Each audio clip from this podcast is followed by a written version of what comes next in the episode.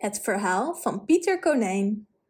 Er leefden eens vier kleine konijntjes met de namen Flopsie, Mopsie, Wipstaart en Pieter. Ze woonden samen met hun moeder in een zandbank onder de wortels van een heel grote vijgenboom.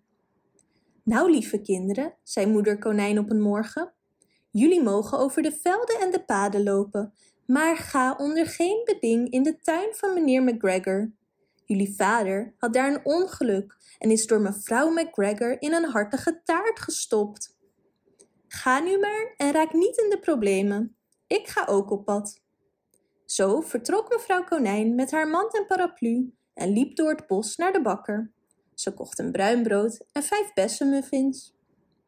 Flopsie, Mopsie en Wipstaart waren brave kleine konijntjes en liepen over het pad om bosbessen te zoeken. Maar Pieter, die zeer ondeugend was, rende direct naar de tuin van meneer McGregor en kroop onder het hek door. Eerst at hij wat sla en groene boontjes. Daarna nam hij nog wat radijsjes. En toen, misselijk van het eten, zocht hij naar wat peterselie. Maar om de hoek van een komkommerplant liep hij meneer McGregor tegen het lijf. Meneer McGregor zat op zijn handen en voeten en plantte jonge kropjes sla. Maar toen hij Pieter zag, sprong hij op en rende achter hem aan. Stop de dief, riep McGregor, zwaaiend met een hark. Pieter Konijn was doodsbang en rende door de hele tuin. Hij was namelijk vergeten hoe hij bij het hek kwam. Hij verloor een van zijn schoenen bij de sla en de andere schoen bij de aardappelen. Nadat hij zijn schoenen was verloren, rende hij op vier poten verder en ging zelfs sneller. Ik denk zelfs dat hij was ontsnapt, ware het niet dat hij heel ongelukkig in een net liep dat de kruisbessen beschermde en vast kwam te zitten met de knoopjes van zijn jas. Het was een vrij nieuwe jas met blauwe knoopjes van koper. Pieter dacht dat hij verloren was en begon grote tranen te huilen. Maar zijn tranen werden gehoord door een aantal vriendelijke mussen. Ze vlogen enthousiast naar hem toe en moedigden hem aan om zichzelf te bevrijden. Meneer McGregor kwam aangelopen met een zeef. Hij wilde Pieter hiermee vangen, maar Pieter wurmde zich net op tijd los en liet zijn jas achter. Hij rende naar de schuur en sprong in een groot blik. Het was de perfecte verstopplaats, ware het niet dat er veel water in zat. Meneer McGregor was er vrij zeker van dat Pieter ergens in de schuur zat. Wellicht verstopte hij zich onder een bloempot. Hij begon ze één voor één om te keren.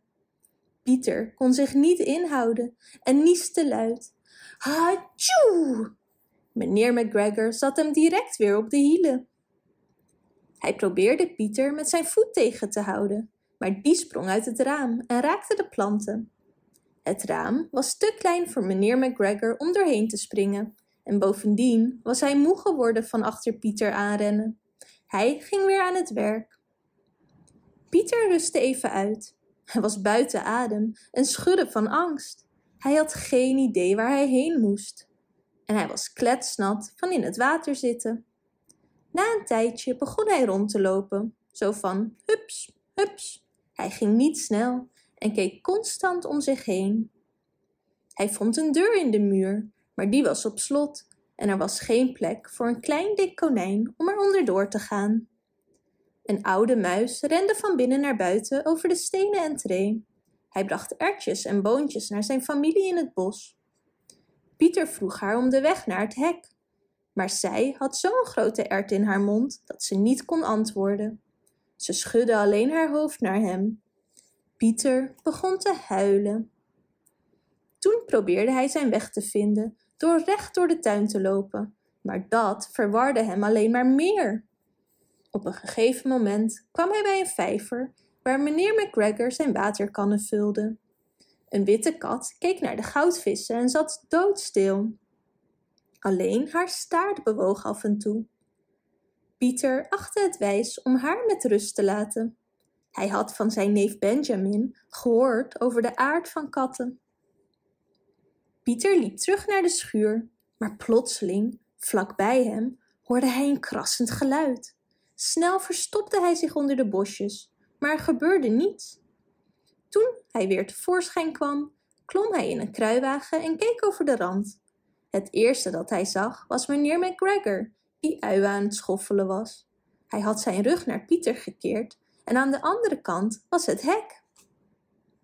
Zachtjes sloop Pieter uit de kruiwagen en begon zo snel als hij kon te rennen. Meneer McGregor zag hem, maar dat deerde Pieter niet. Hij glipte snel onder het hek door en was eindelijk terug in het veilige woud buiten de tuin. Meneer McGregor hing Pieters jasje en schoenen op als vogelverschrikker. Pieter stopte geen moment met rennen en keek niet meer om, totdat hij thuis was bij de grote vijgenboom. Hij was zo moe geworden dat hij meteen op het zachte zand van het konijnenhol neerplofte en in slaap viel. Zijn moeder was druk aan het koken en vroeg zich af wat hij met zijn kleren had gedaan. Het was al het tweede jasje en het tweede paar schoenen dat hij in twee weken had verloren. Het spijt me om te zeggen, maar Pieter voelde zich die avond niet zo goed. Zijn moeder bracht hem naar bed, zette een kopje kamillethee en gaf het aan Pieter. Eén theelepeltje voor het naar bed gaan, zei ze. Die avond aten Flopsie, Mopsie en Wipstaart lekker brood, melk, muffins en besjes. Lees, download en print dit verhaal op ririro.com/nl